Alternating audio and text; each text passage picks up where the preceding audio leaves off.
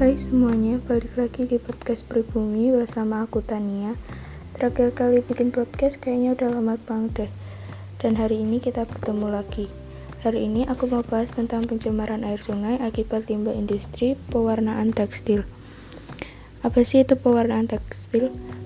Pewarna tekstil dapat didefinisikan sebagai satu unsur yang memiliki peran penting dalam visualisasi suatu produk tekstil.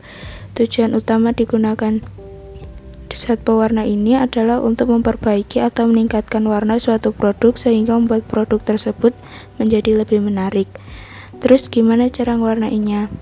Pertama, hand dyeing, yaitu proses pemberian warna kepada benang secara merata. Kedua, fabric dyeing, yaitu proses pemberian warna kepada lembaran kain. Nah, terus kalau udah diwarnain, air sisa pewarnanya dibuang ke mana? Pasti dibuang ke sungai. Inilah yang jadi masalah, karena pada ada pihak-pihak tidak bertanggung jawab yang membuang sisa pewarnanya sembarangan tanpa diolah dulu. Iya kalau yang dipakai pewarna alami, kalau sintetis gimana dong? Bayangin itu zat kimia lumayan banyak dibuang gitu aja akan mencemari sungai dan mengancam semua biota air yang ada.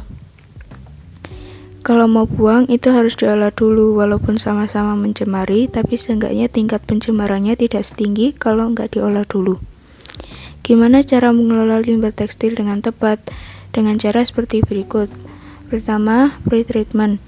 Pengolahan pada tahap ini ialah bersifat pengelolaan fisik Tujuan dari pengelolaan ini adalah memisahkan partikel bersifat granular atau cukup besar. 2. Primary treatment. Pengolahan pada tahap ini merupakan proses eliminasi zat, mengambang, dan mengendap pada limbah, yaitu padatan tersuspensi, dan bahan organik, fisik, dan kimia. Secondary treatment.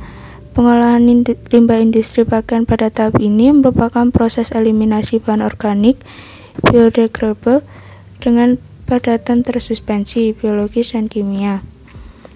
Tertiary treatment Pengolahan pada tahap ini melibatkan penghilangan sisa padatan tersuspensi atau padatan tersebut. Jadi udah paham belum nih?